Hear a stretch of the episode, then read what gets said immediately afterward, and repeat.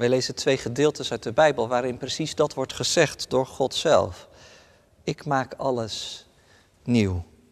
Jesaja 43, vers 15 tot en met 21 en Openbaring 21, vers 1 tot en met 5. Jesaja 43, vers 15 tot 21. Ik ben de Heer, jullie heilige, de schepper van Israël, jullie koning. Dit zegt de Heer, die een weg baande door de zee en een pad door machtige wateren, die paarden en wagens liet uitrukken, een heel leger van geweldenaars. Daar lagen ze en ze stonden niet meer op. Ze zijn vergaan als een kwijnende vlam, gedoofd. Blijf niet staan bij wat eertijds is gebeurd. Laat het verleden nu rusten. Zie, ik ga iets nieuws verrichten. Nu ontkiemt het. Heb je het nog niet gemerkt? Ik baan een weg door de woestijn, maak rivieren in de wildernis. De wilde dieren zullen mij eer bewijzen, de jakhalzen en de struisvogels, omdat ik water schep in de woestijn en rivieren in de wildernis. Het volk dat ik heb uitgekozen, laat ik drinken. Dit is het volk dat ik mij gevormd heb. Het zal mijn lof verkondigen. Tweede lezing, Openbaringen 21, vers 1 tot 5. Ik zag een nieuwe hemel en een nieuwe aarde, want de eerste hemel en de eerste aarde zijn voorbij en de zee is er niet meer. Toen zag ik de heilige stad, het nieuwe Jeruzalem, uit de hemel neerdalen bij God vandaan. Ze was als een bruid die zich mooi heeft gemaakt voor haar man en hem opwacht. Ik hoorde een luide stem vanaf de troon die uitriep: Gods woonplaats is onder de mensen. Hij zal bij hen wonen. Zij zullen zijn volken zijn en God zelf zal als hun God bij hen zijn. Hij zal alle tranen uit hun ogen wissen. Er zal geen dood meer zijn, geen rouw, geen jammerklacht, geen pijn. Want wat er eerst was, is voorbij. Hij die op de troon zat, zei: Alles maak ik nieuw. Ik hoorde zeggen: Schrijf het op, want wat hier wordt gezegd is betrouwbaar en waar. In de verkondiging gaan we nadenken over dat gedeelte wat zojuist werd gelezen, Openbaring 21, vers 1 tot en met 5. En onderstrepen we vers 5. Hij die op de troon zat, zei: Ik maak alles nieuw. Na de verkondiging zingen we een liedboek uit, een lied uit het liedboek voor de kerken 459, vers 1, 3 en 5. Door de nacht vol strijd en zorgen schrijdt een stoet van pelgrims voort. Gemeente van Christus, er zijn van die momenten dat je het gewoon zeker weet. Vanaf nu zal alles anders zijn. Bijvoorbeeld bij een onvergetelijk levensmoment. Voor je schoolexamen slagen en met een studie beginnen. Of voor het eerst vader en moeder worden. Of afscheid nemen van iemand die je heel dierbaar was. Het wordt nooit meer zoals het was, zeg je tegen jezelf. Dat is best actueel trouwens, want het lijkt wel of we deze weken met elkaar een soort collectief onvergetelijk levensmoment meemaken. Het zal wel nooit meer worden zoals het was, hoor ik regelmatig iemand verzuchten. En inderdaad, het is zoeken geblazen met die anderhalve meter samenleving. Op straat en in de winkel, op school en zelfs in de kerk. Alles is ineens in beweging. En daar kun je heel onzeker van worden. Nou kom je in de Bijbel dat idee ook tegen. Dat het nooit meer wordt zoals het was. We horen het uit de mond van God zelf. Bij de profeet Jezaja zegt de Heer tegen zijn volk, laat het verleden toch rusten. Ik ga iets nieuws verrichten. Het ontkiemt al. En in het boek Openbaring hoor je diezelfde stem, maar dan nog veel luider en veel stelliger. Ik maak alles nieuw. Nou, vanmorgen gaan we naar die stem luisteren. Want als God die belofte geeft, wat betekent dat dan voor ons? Persoonlijk en als gemeente. Kunnen we daar hoop uit putten? Durven we dat? Kan het ons een punt op de horizon geven? Een focuspunt, wat we juist nu misschien wel zo hard nodig hebben? Johannes is verbannen naar Patmos. Daar zit hij in een lockdown. Op een eiland in de Egeïsche Zee. En hij krijgt er allerlei visioenen te zien. Taferelen die zich afspelen in de hemel en op de aarde. Hij schrijft het allemaal op. In een Bijbelboek dat wij kennen als de Openbaring. Je zou ook de Griekse naam kunnen gebruiken, de Apocalyps. Die naam doet je misschien denken aan een soort Hollywood-achtig eindtijdspektakel, maar dat is niet bedoeld. Apocalyps betekent onthulling. Alsof er even een laken wordt opgetild. En Johannes te zien krijgt wat zich achter dat laken afspeelt. Zodat hij gesteund kan worden en bemoedigd, want dat heeft hij wel nodig.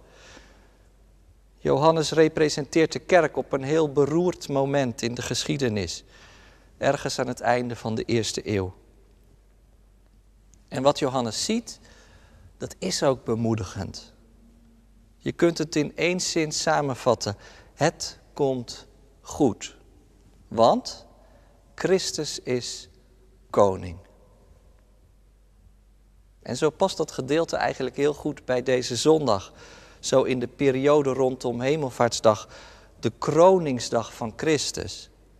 Hij is koning en hij is Heer. Dat hebben we donderdag beleden. Daar hebben we van gezongen. En dat is vanmorgen dus ook ons startpunt. Maar goed, die beleidenis is echt niet vanzelfsprekend. Die staat zelfs best wel onder druk. Jezus als koning teruggegaan naar de hemel, wat moet ik me daar dan precies bij voorstellen? Kan ik daar iets mee? Moeten we dat vieren? Ik las dat een theoloog op Twitter schreef dat je Hemelvaartsdag als christelijke feestdag misschien beter kunt afschaffen. Deze dag hoort natuurlijk bij het verhaal van Jezus, schreef hij. Maar als feestdag voor iedereen heb ik er wel zo mijn twijfels bij. Waarom geen innovatie van de christelijke feesten? Een geloof, hoop en liefdedag bijvoorbeeld. Daar wil ik Hemelvaartsdag best voor inwisselen, want die dag krijg ik niet uitgelegd. Nou, nou is hemelvaart ook lastig uit te leggen. Maar dat ligt misschien vooral aan het wereldbeeld in het seculiere Westen. De manier waarop wij naar de werkelijkheid kijken staat ons in de weg om iets van hemelvaart te kunnen maken. En dat komt dan vooral door de harde scheiding tussen hier, de aarde en daar, de hemel. Een harde scheiding in tijd. Zo van de hemel die komt misschien na de dood of zo, of nog verder weg. En een harde scheiding in de ruimte. De hemel die is ergens boven de sterren. En daar kan ik eigenlijk niet zoveel over zeggen. Maar in de Bijbel is dat onderscheid tussen aarde en hemel helemaal niet zo strikt. In het begin schiep God de hemel en de aarde. En op allerlei momenten doortrekt de hemel de aarde en doortrekt de aarde de hemel. Is de grens tussen hemel en aarde diffuus en poreus. Denk aan de engelen die naar de aarde komen om met mensen te praten. Of denk aan Stefanus die gestenigd wordt en die omhoog kijkt en de hemel geopend ziet. Als je de Bijbel leest, dan zul je zien dat het belangrijkste verschil tussen de aarde en de hemel is dat de hemel de woonplaats van God is. De hemel is de ruimte van Gods liefde. Maar uit de menswording van Jezus is al wel gebleken dat die liefde ook de aarde kan doortrekken. De hemel is de plaats waar vandaan God handelt en spreekt. En het is dus ook de plaats waar vandaan God redt. Die redding van ons, die komt uit de hemel. De verlossing komt niet uit onze werkelijkheid, gelukkig maar. Niet uit de aarde. Met andere woorden, als je hoop wilt houden op herschepping en vernieuwing, dan kun je niet om de hemel heen, echt niet. En dan hoef je ook niet om de hemel heen. Want in Christus zijn hemel en aarde samengekomen. Dat beleiden we met kerst, met Pasen en met hemelvaart en daarom hoort die dag er gewoon helemaal bij. Maar dat stelt ons natuurlijk wel voor een belangrijke vraag. Namelijk deze, hoe kun je nou op de toonhoogte van dat geloof komen? Want zeg nu zelf, dat dat allemaal waar is, dat kan toch niemand bewijzen? Nee, dat klopt. Dat geloof moet je gegeven worden. Maar daarvoor mogen we wel putten uit de bronnen die God ons geeft. Het getuigenis dat klinkt uit het woord van God en uit de mond van heiligen die ons voorgingen. Nou goed, Johannes is zo'n heilige. Hij kijkt achter de schermen. En hij ziet dan een paar aspecten van het herscheppende en het vernieuwende werk van God. Hij ziet een nieuwe hemel en een nieuwe aarde. Zie je hoe die twee ook in de herschepping helemaal bij elkaar blijven? Zoals ze allebei geschapen zijn, zullen ze ook allebei herschapen worden, vernieuwd. Dat is net wat anders dan helemaal nieuw, uit het niets. Het Griekse woord dat hier gebruikt wordt wijst eerder op verandering in kwaliteit dan op het starten van iets heel nieuws. God vernieuwt de hemel en de aarde. En wat Johannes dus ziet is een eindstation van een beweging die met de komst van Jezus Christus op aarde al in gang werd gezet en die alsmaar is doorgegaan. In Openbaring 3, vers 14 wordt Jezus als volgt omschreven. Hij is de Amen, de trouwe en betrouwbare getuige, het begin van Gods schepping. Dat is die schepping waar het in Openbaring om gaat. En wat ziet Johannes dan? Als hij die nieuwe hemel en die nieuwe aarde ziet, dan ziet hij één ding wat heel opvallend is. Want er is iets wat ontbreekt: de zee. Dat is heel opvallend eigenlijk als je bedenkt dat Johannes op een eiland zit. Met alleen maar water rondom hem. De zee scheidt hem van de rest van de wereld. En ook van zijn broeders en zusters. In de Heer die hij zo lief heeft. Nou, precies die zee die altijd maar scheiding maakt, die is er niet meer. En dat is goed nieuws.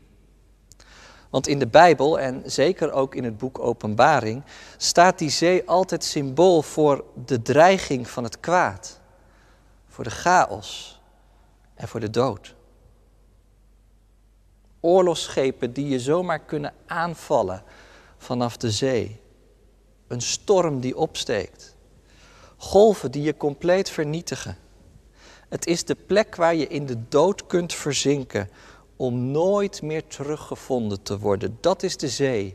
Maar de zee is er niet meer. Dat is het punt op de horizon wat Johannes meekrijgt.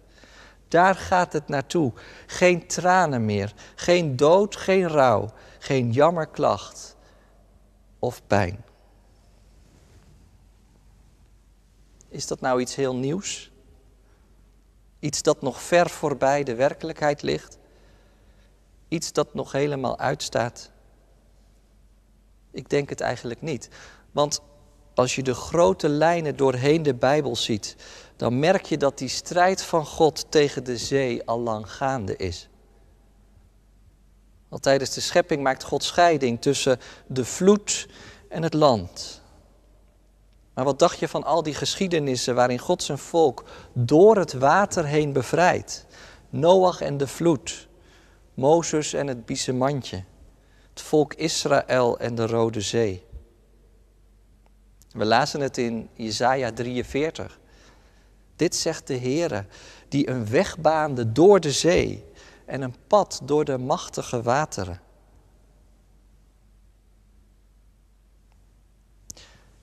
Ik weet niet wat de zee is in jouw leven.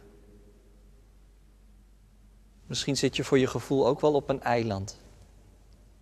Met zeeën van afstand naar de mensen om je heen. Misschien staat het water tot aan je lippen. Of zit je in een scheepje op volle zee midden in een storm. Loop je over van de prikkels en de uitdagingen die als een stortvloed over je heen komen. Ik hoop dat al die stemmen uit het verleden van een God die redt, je de hoop en de moed geven om verder te kijken. Je de vaste zekerheid geven dat er in Christus een nieuw begin is gemaakt en dat het daarom goed zal komen, ook met jou, als je je hoop op Hem stelt. En dan brengt dat eigenlijk bij het tweede dat Johannes ziet. Dat is een stad die aan het neerdalen is vanuit de hemel op de aarde. Het nieuwe Jeruzalem is neerdalende. Dat is eigenlijk het werkwoord dat gebruikt wordt. Daar zit beweging in, merk je dat? Dat is iets wat gebeurt en gebeuren blijft. Misschien nu al. En het is trouwens een stad, geen tuin. In een tuin was het allemaal begonnen, maar daar was het ook misgegaan. Vanwege de zonde van de mens kwam er een muur omheen te staan, met engelen bij de poort en mensen konden niet terug. Maar het gaat in de geschiedenis blijkbaar van een tuin met twee zondige mensen naar een stad vol met heiligen. Die stad wordt in het gedeelte dat we lazen een bruid genoemd. Als je verder zou lezen in hoofdstuk 21 van Openbaring, dan zul je allerlei details lezen van die stad, dat nieuwe Jeruzalem. En dan zal blijken dat het hier gaat om de kerk, de verzameling heiligen van hen die in Christus zijn. De stad heeft bijvoorbeeld twaalf fundamenten, die verwijzen naar de twaalf apostelen. Zij funderen de kerk door het evangelie te verkondigen.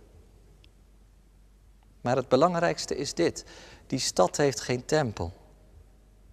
Want in Christus is God zelf het stralende middelpunt. En nu daalt precies die stad af naar de aarde. Gods woonplaats is onder de mensen.